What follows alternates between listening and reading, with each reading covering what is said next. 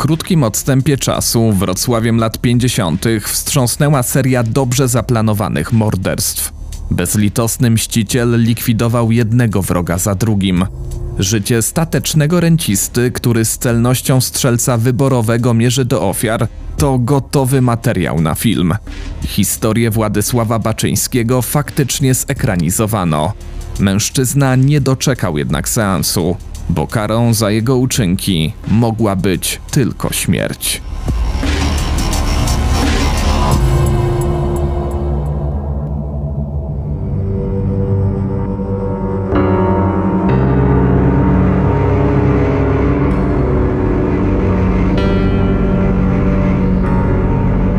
Opowiem Ci historię. Kamil Barnowski. Zapraszam. Pamiętajcie, że archiwalne zdjęcia związane z omawianą sprawą będą dostępne na Instagramie kanału Opowiem Ci historię.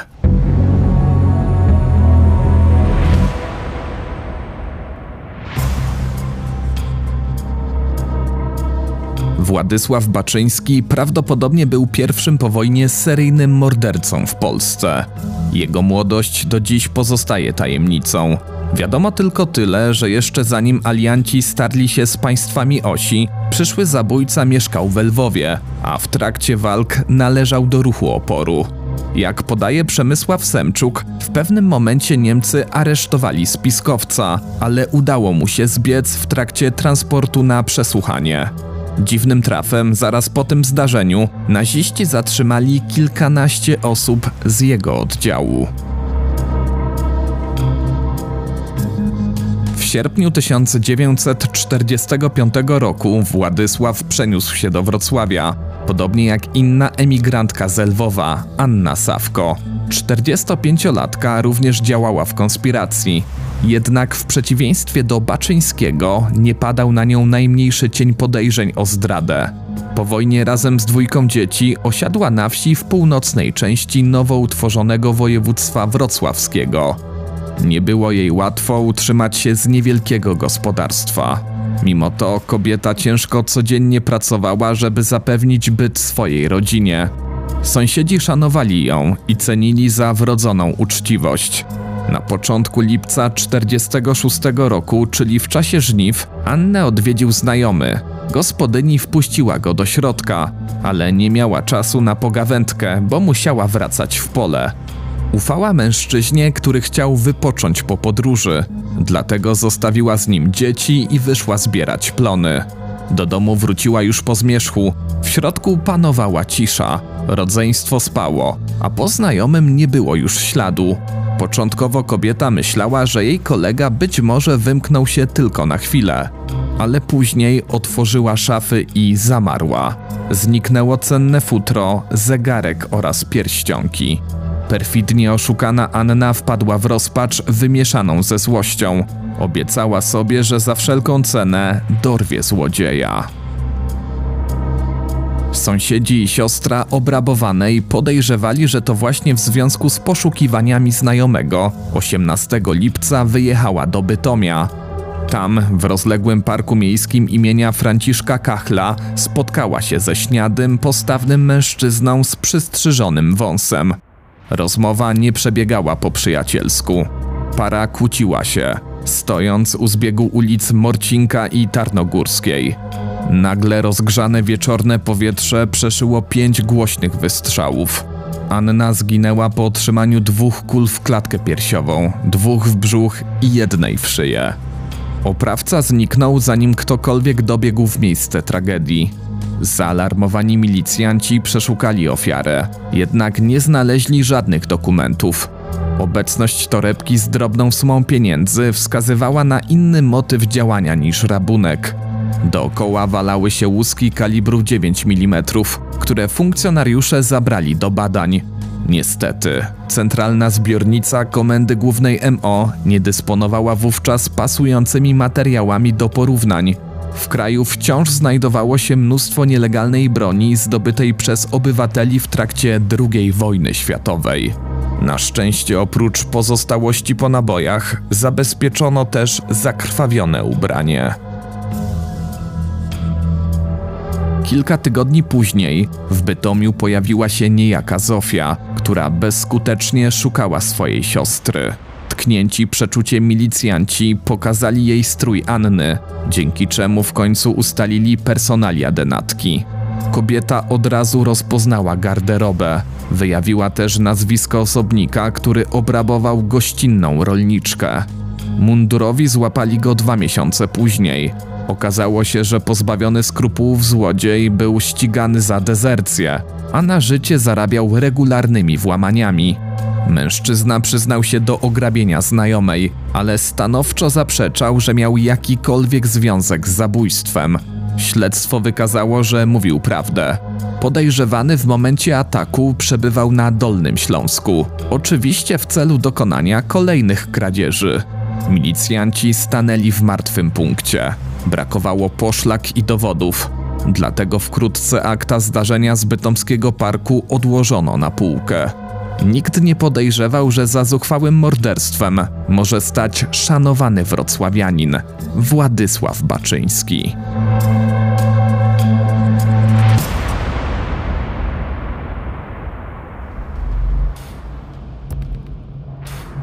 Anna osierociła dwójkę dzieci. Za to życie rodzinne zbrodniarza kwitło, przynajmniej pozornie. Mężczyzna razem z żoną dochował się trzech pociech i uczciwie pracował na ich byt. Sąsiedzi mieli o nim bardzo dobre zdanie. Dwa razy dziennie obserwowali, jak wyprowadza psa na spacer. Nigdy nie widzieli go pijanego ani z papierosem. Baczyński w odróżnieniu od wielu okolicznych robotników nie włóczył się po barach i nie wdawał w konflikty. Był skryty, ułożony oraz dbał o potrzeby bliskich. Ten piękny wizerunek zupełnie zmieniał się, kiedy Władysław przekraczał próg własnego mieszkania. Spuszczone ze smyczy emocje, głównie pod postacią złości, często przeistaczały się w przemoc.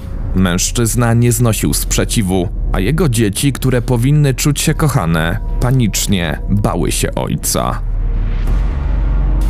Również jako pracownik Baczyński doczekał się zaskakująco różnych opinii. Dyrekcja Wytwórni Filmów Fabularnych we Wrocławiu ceniła go za rzetelność i wysokie kwalifikacje. Józef Wadowski, który pełnił funkcję kierownika administracji, z jakiegoś powodu przeniósł jednak podwładnego na inne, podobno gorsze stanowisko. Władysław był jeszcze mniej zadowolony z pracy w polskim radiu w charakterze kierowcy. Żywił głęboką urazę do kierownika bazy transportu Zenona Herudzińskiego, który ponoć tępił go i szykanował. Koledzy i szefowie uważali natomiast, że to właśnie Baczyński zachowywał się opryskliwie, zwłaszcza w stosunku do zwierzchników oraz miał mściwy charakter. Każdy, kto odważył się mu zwrócić uwagę, stawał się jego wrogiem. Kariera zawodowa mężczyzny zakończyła się wraz z zachorowaniem na gruźlicę oraz przejściem na rentę inwalidzką. Poszkodowany był wściekły na doktora Weinberga, przez którego trafił do gorszej kategorii świadczeń. Od tej pory sytuacja materialna Baczyńskich diametralnie się pogorszyła. Władysław wciąż sprawnie, samodzielnie się poruszał, ale musiał się leczyć. Swoim zwyczajem denerwował się, kiedy medyk odmawiał mu przepisania konkretnych preparatów. Problemy ze służbą zdrowia miała też znajoma rencisty ze spółdzielni lekarskiej, pielęgniarka Emilia. Kobieta pracowała z doktorem Hermanem, który jako członek zarządu nie chciał jej wypłacić wynagrodzenia za niewykorzystany urlop. Emilia nie jeden raz utyskiwała na jego zachowanie, a nawet pokazała koledze dom, w którym mieszkał nieuczciwy przełożony. Tymczasem od zabójstwa Anny w bytomskim parku minęło 10 lat. Polska weszła w krótką fazę odwilży gomułkowskiej, dlatego obywatele z zadowoleniem obserwowali luzowanie obostrzeń. Niestety Władysław i jego bliscy klepali biedę, bez nadziei na zmiany. Psycholog kliniczny i sądowy Jarosław Stukan wydał taką intuicyjną opinię o zabójcy. Sytuacja życiowa wzbudzała silną frustrację, która transformowała się w agresję. Rys paranoidalny pozwalał jej znajdować ujście w projekcji agresji na otoczenie. W tym momencie prawdopodobnie Baczyński zaczął winić innych za swój los. Zaczął też innych nienawidzić. Uczucie to wzrastało dość szybko i przystąpił do działania. Ponadto, jak można podejrzewać, zaczął żyć zemstą. Na to wszystko nałożył się rys psychopatyczny, co poskutkowało łatwością w realizacji fantazji o zgładzeniu prześladowców.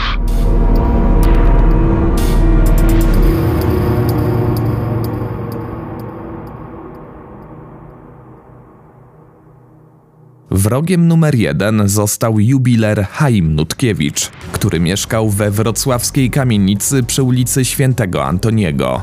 26 listopada 56 roku, około 18, mężczyzna zamknął pobliski zakład pracy i na piechotę ruszył w kierunku domu. Po drodze wstąpił do księgarni. Zamienił kilka słów ze znajomą kwiaciarką, po czym kupił butelkę portera. Ciemnobrązowy trunek był jego codzienną nagrodą za wysiłek. Niespełna kwadrans po 18 w bramie kamienicy zgasło światło. Kilka minut później Chaim leżał już bez oznak życia. Na pierwszy rzut oka zdawało się, że starszy już złotnik miał zawał. Za takimi przypuszczeniami przemawiała też diagnoza lekarza pogotowia, który stwierdził zgon z przyczyn naturalnych. Wokół nie było krwi, a zmarły wciąż miał przy sobie pieniądze i dokumenty. Brakowało tylko jednej rzeczy, niby drobiazgu, ale niezwykle ważnego zegarka, który zawsze tkwił na jego ręce. Ten szczegół tak zaniepokoił milicjantów, że zadecydowano o przeprowadzeniu sekcji zwłok. Jej wyniki wprawiły śledczych w osłupienie. W klatce piersiowej Denata tkwił pocisk, który uszkodził serce, aortę oraz płuco. Dalsze ekspertyzy wykazały, że Haima zastrzelono nie z przyłożenia, a z odległości za pomocą nierejestrowanego karabinka kaliber 5,6 mm. Nikt z sąsiadów nie usłyszał wystrzałów, ponieważ morderca zastosował tłumik.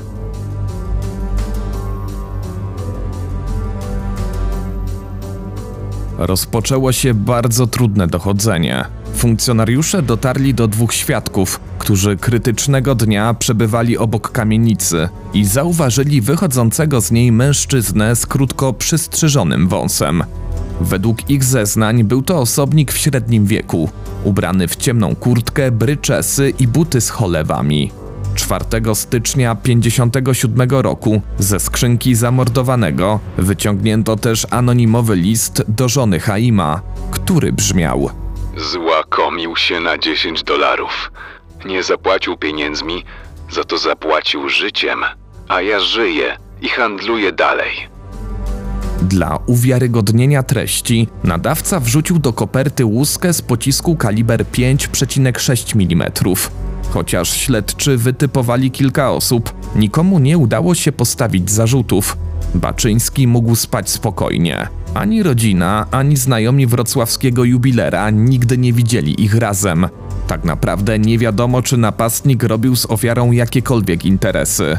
Za taką wersją przemawiały tylko słowa listu oraz późniejsze wyjaśnienia sprawcy, który często mijał się z prawdą. Milicjanci próbowali schwytać tajemniczego bandytę, nie podejrzewając, że ten dosłownie pięć dni po dostarczeniu anonimu zada kolejny cios.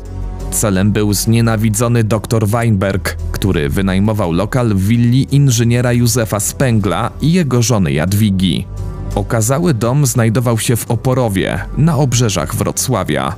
W środowy wieczór 9 stycznia 57 roku Władysław zaczaił się pod oknami budynku. Księżyc świecił tylko połowicznie, a mrok gdzieniegdzie przepędzały uliczne latarnie. Kiedy około 21 właściciele posesji wrócili z miasta taksówką, to właśnie pod jedną z lamp zobaczyli dwóch obcych im mężczyzn. Okazało się, że byli to potencjalni nabywcy samochodu Józefa, który jakiś czas temu niechętnie wystawił go na sprzedaż. Po krótkich oględzinach pojazdu i usłyszeniu wygórowanej ceny, niedoszli klienci opuścili garaż. Zaraz potem inżynier poszedł do swojej matki, żeby odebrać pięcioletniego syna, a Jadwiga zaczęła przygotowywać kolację. Czas mijał, herbata na stole stygła, a jej bliscy ciągle nie wracali. Nagle usłyszała straszliwy huk, który doszedł z podwórka. Hałas powtórzył się. Przerażona kobieta wybiegła na zewnątrz i dostrzegła mężczyznę, który uciekał w stronę ogrodu. Próbowała go gonić, ale mrok nocy sprawił, że szybko dała za wygraną. Wróciła pod dom i zaczęła szukać swojego męża. Brama garażowa była otwarta, więc Jadwiga ostrożnie weszła do środka. Po paru krokach potknęła się o ciało ukochanego Józefa. Jej syn, skulony ze strachu, krył się za samochodem.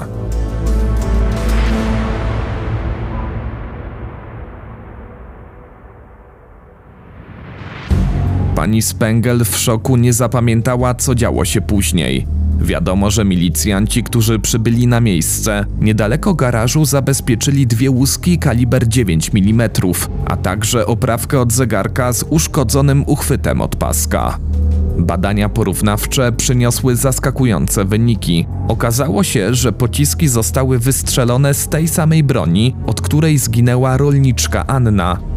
Zgubiona część od zegarka była natomiast własnością jubilera Haima. O prawdziwości znaleziska świadczyły zarówno słowa zegarmistrza, który wykonał specyficzną kopertę czasomierza, jak i badania chemiczne użytego stopu. Śledczy mogli zatem połączyć trzy niezależne dotąd sprawy. Dodatkowo w ogrodzie ujawniono kilka śladów obuwia przestępcy i wykonano ich gipsowe odlewy. Zrozpaczona Jadwiga powiedziała funkcjonariuszom o dwóch klientach, którzy feralnego wieczora zjawili się pod jej posesją. Milicjantom udało się zidentyfikować tajemniczych osobników i doprowadzić ich na okazanie. Kobieta jednak zaprzeczyła, że to właśnie któregoś z nich ścigała nocą po podwórku. Była stanowczo przekonana, że choć widziała mordercę tylko przez chwilę, z pewnością by go rozpoznała. Jedyny świadek zabójstwa, czyli pięcioletni syn Spenglów, zaobserwował jak tata szamotał się z jakimś mężczyzną. Zapamiętał też, że ojciec wymienił nazwisko agresora, ale niestety chłopiec nie zdołał powtórzyć jego brzmienia. Śledczy wysnuli logiczny wniosek, że Józef musiał znać napastnika, ale i to niewiele wniosło do sprawy. Jak miało się okazać, inżynier był ofiarą przypadkową. Nakrył bandytę na swoim podwórku, więc musiał zginąć. 43-letni rencista nie miał z tego powodu żadnych wyrzutów sumienia. Trzykrotny morderca znowu pociągnął za spust niecały tydzień później.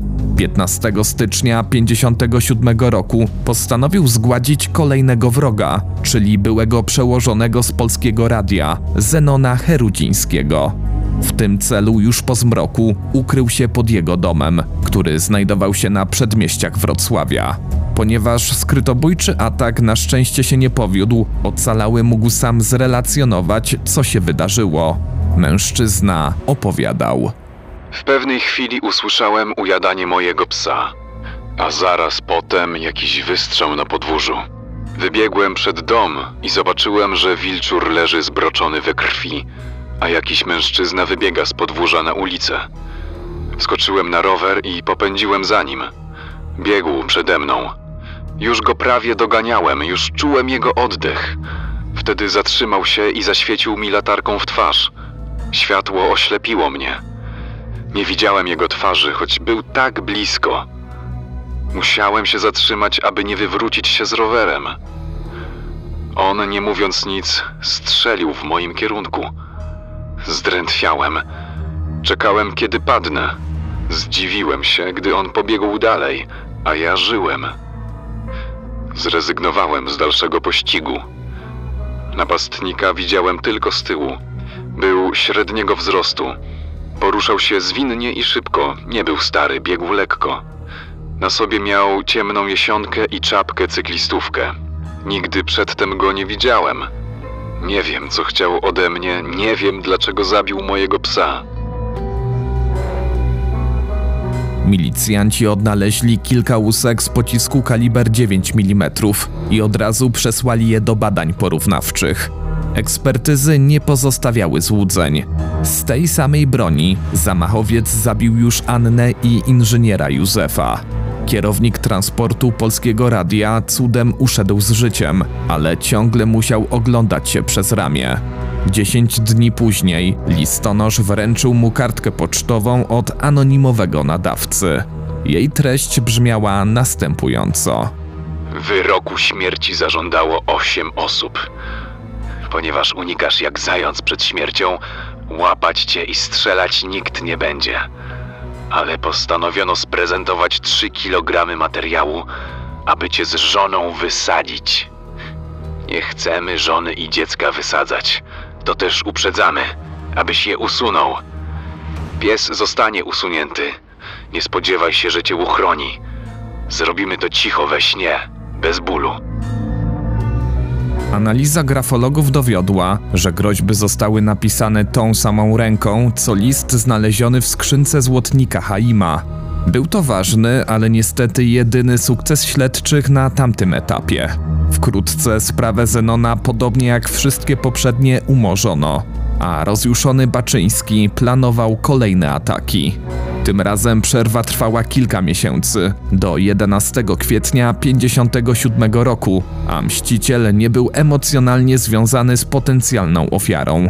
Nienawiść do doktora Hermana żywiła dobra znajoma zabójcy, pielęgniarka Emilia. Pamiętnego dnia, niewiele przed dwudziestą, lekarz przebywał w swoim pokoju, nie przejmując się niezasłoniętym oknem. Nagle obok jego głowy świsnęła kula. Analizy balistyczne dowiodły, że strzelano z poddasza kamienicy, która stała naprzeciwko mieszkania medyka. Pocisk wyjęty ze ściany miał kaliber 5,6 mm. Niestety był tak bardzo uszkodzony, że nie nadawał się do badań. Dokładnie tydzień później Władysław już nie chybił, a jego dawny przełożony Józef Wadowski z wytwórni filmów fabularnych nie doczekał świąt Wielkanocy. Wieczorem w Wielki Czwartek 18 kwietnia mężczyzna razem z żoną przygotowywał się do snu po całym dniu ciężkiej pracy. Był już w piżamie i miał się zaraz położyć, ale w pewnym momencie usłyszał niepokojący huk dochodzący od strony podwórka. Doskoczył do okna, żeby sprawdzić, co się dzieje, i wtedy druga z wystrzelonych kul ugodziła go prosto w serce. Lekarzowi pogotowia nie pozostało nic innego, jak stwierdzić zgon. Wezwani milicjanci w trakcie oględzin pokoju zauważyli przy szybie pocisk kaliber 5,6 mm. Technicy wydobyli go z framugi, ale śmiercionośny przedmiot miał mocno uszkodzony pancerz. Do badań nie nadawał się też pocisk wyjęty z klatki piersiowej Denata. Było jednak jasne, że zabójca musiał być doskonałym strzelcem, ponieważ trafił z odległości 35 metrów. Założono, że mógł pasjonować się militariami i z pewnością dysponował niezbędnymi urządzeniami optycznymi do namierzania celu. Idąc tym tropem, śledczy sprawdzali wszystkich okolicznych kolekcjonerów broni, ale nie uzyskali żadnych pozytywnych rezultatów. Wszystko wskazuje na to, że Baczyński skutecznie tłumił mordercze żądze przez rok. Być może nikt by o nim nie usłyszał, gdyby nie przypadek i czujność milicjantów patrolujących Wrocław. Do godziny trzeciej w nocy środa 30 kwietnia 58 roku była cicha i spokojna. Dwaj sierżanci, popalając papierosy, z nadzieją na mało uciążliwą służbę szli wzdłuż ulicy Norwida. Do skrzyżowania z ulicą Marii Curie Skłodowskiej mieli około 20 metrów, kiedy zauważyli wyłaniającego się z za rogu mężczyznę w płaszczu. Postawny jegomość z początku nie dostrzegł funkcjonariuszy, po chwili jednak lekko się zawahał, ale zamiast zawrócić, spuścił głowę i dziarskim krokiem kontynuował marsz. Mundurowi zaintrygowani takim zachowaniem postanowili go wylegitymować. Zatrzymany nie okazał strachu, wręcz dumnie się wyprostował, jakby nie miał nic do ukrycia. W trakcie studiowania dowodu osobistego podejrzliwi sierżanci zorientowali się, że dziwnie spokojny obywatel trzyma coś pod okryciem, więc zapytali go, co to takiego. Kontrolowany zmieszał się, rozpiął płaszcz i błyskawicznie sięgnął ręką pod pas, próbując chwycić broń. Trafił jednak na doświadczonych przeciwników, którzy obezwładnili go, zanim ten zdołał wyrządzić im krzywdę. W trakcie przeszukania milicjanci znaleźli przy przestępcy m.in. odbezpieczony pistolet, ponad 60 sztuk amunicji kaliber 9 mm, gumowe rękawiczki i dwie latarki. Baczyński zachował zimną krew. Tłumaczył, że wszystkie przedmioty znalazł pół godziny wcześniej i właśnie szedł oddać je na komisariat. Funkcjonariusze niezbyt się tym przejęli, a po doprowadzeniu zatrzymanego na komendę ich koledzy rozpoczęli standardowe działania.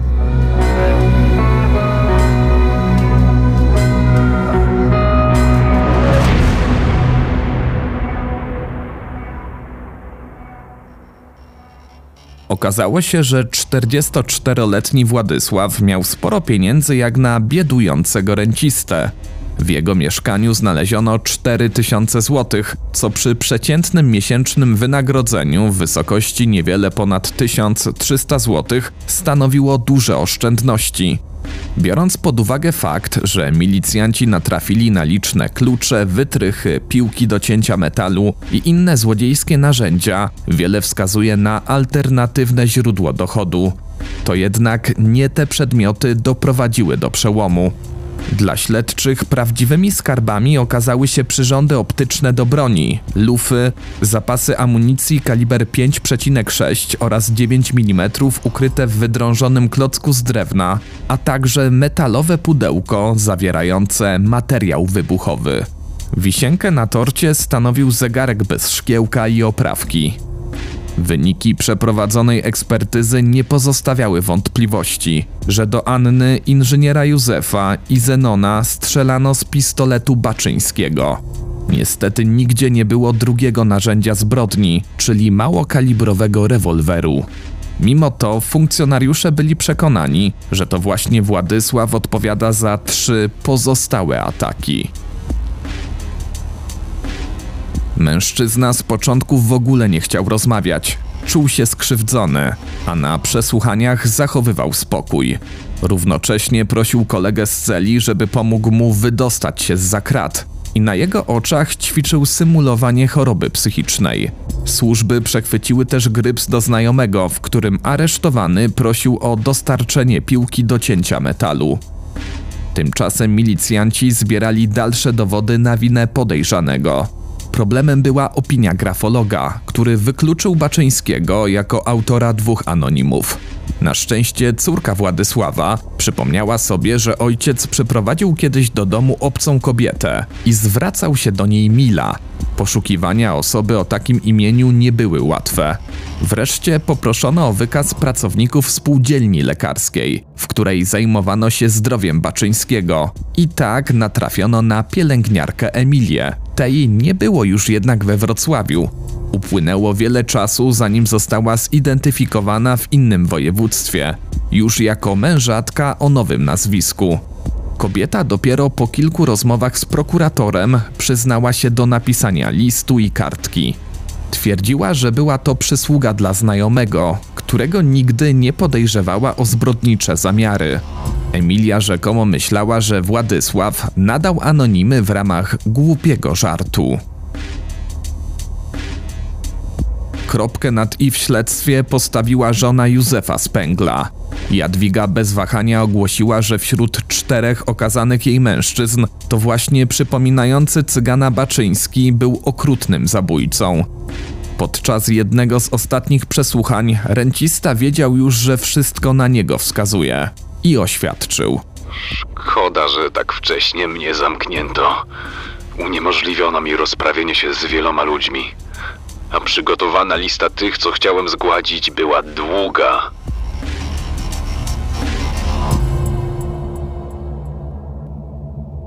Proces cynicznego mordercy rozpoczął się w połowie września 59 roku przed sądem wojewódzkim we Wrocławiu.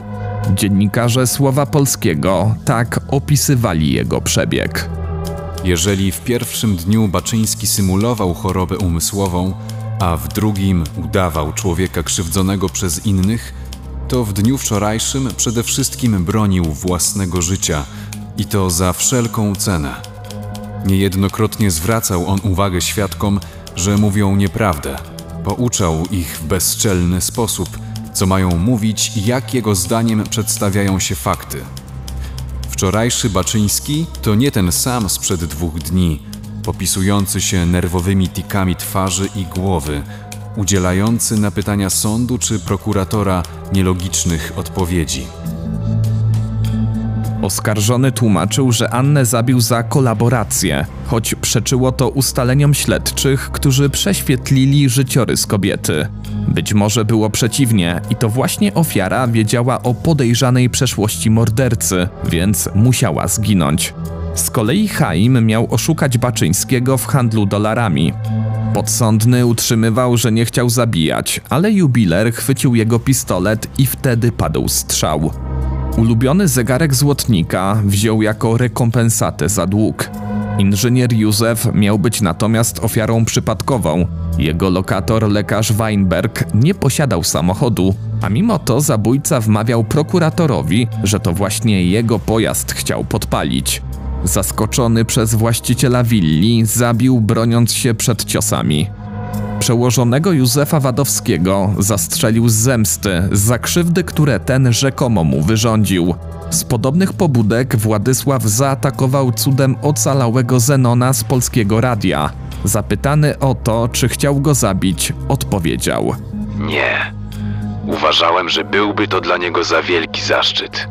Doktor Herman miał zginąć, ponieważ Baczyński musiał się jakoś odwdzięczyć Emilii za napisanie anonimów.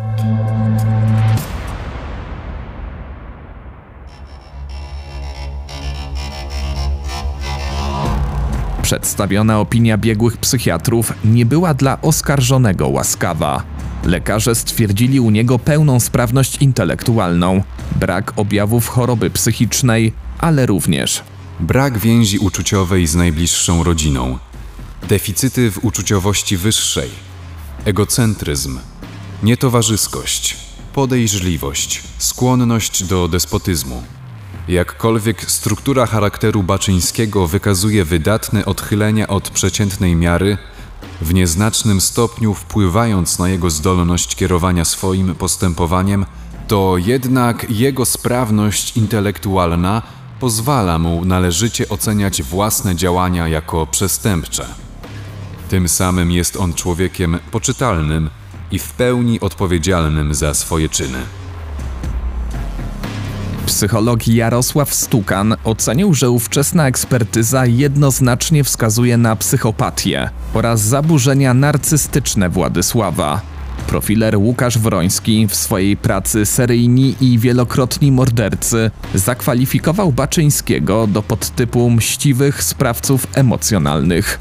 Jak podkreślił, Sprawcy z grupy podtyp mściwy nie tylko odczuwają potrzebę dominacji, ale przejawiają nienawiść i agresję nakierowaną na konkretne osoby lub grupy społeczne.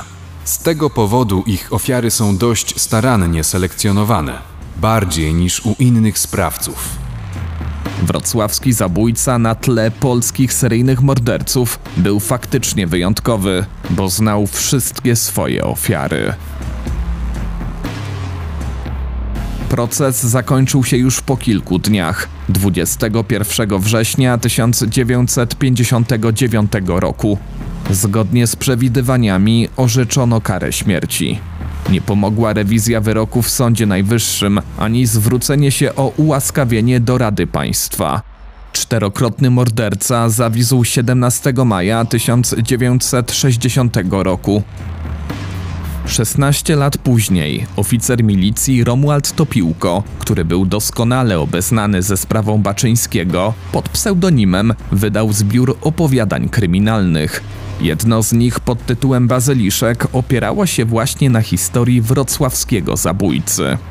Z kolei to opowiadanie zainspirowało Romana Załuskiego do wyreżyserowania filmu Wściekły. Grający główną rolę nieżyjący już aktor Bronisław Cieślak nie miał pojęcia, że trząs scenariusza napisało życie.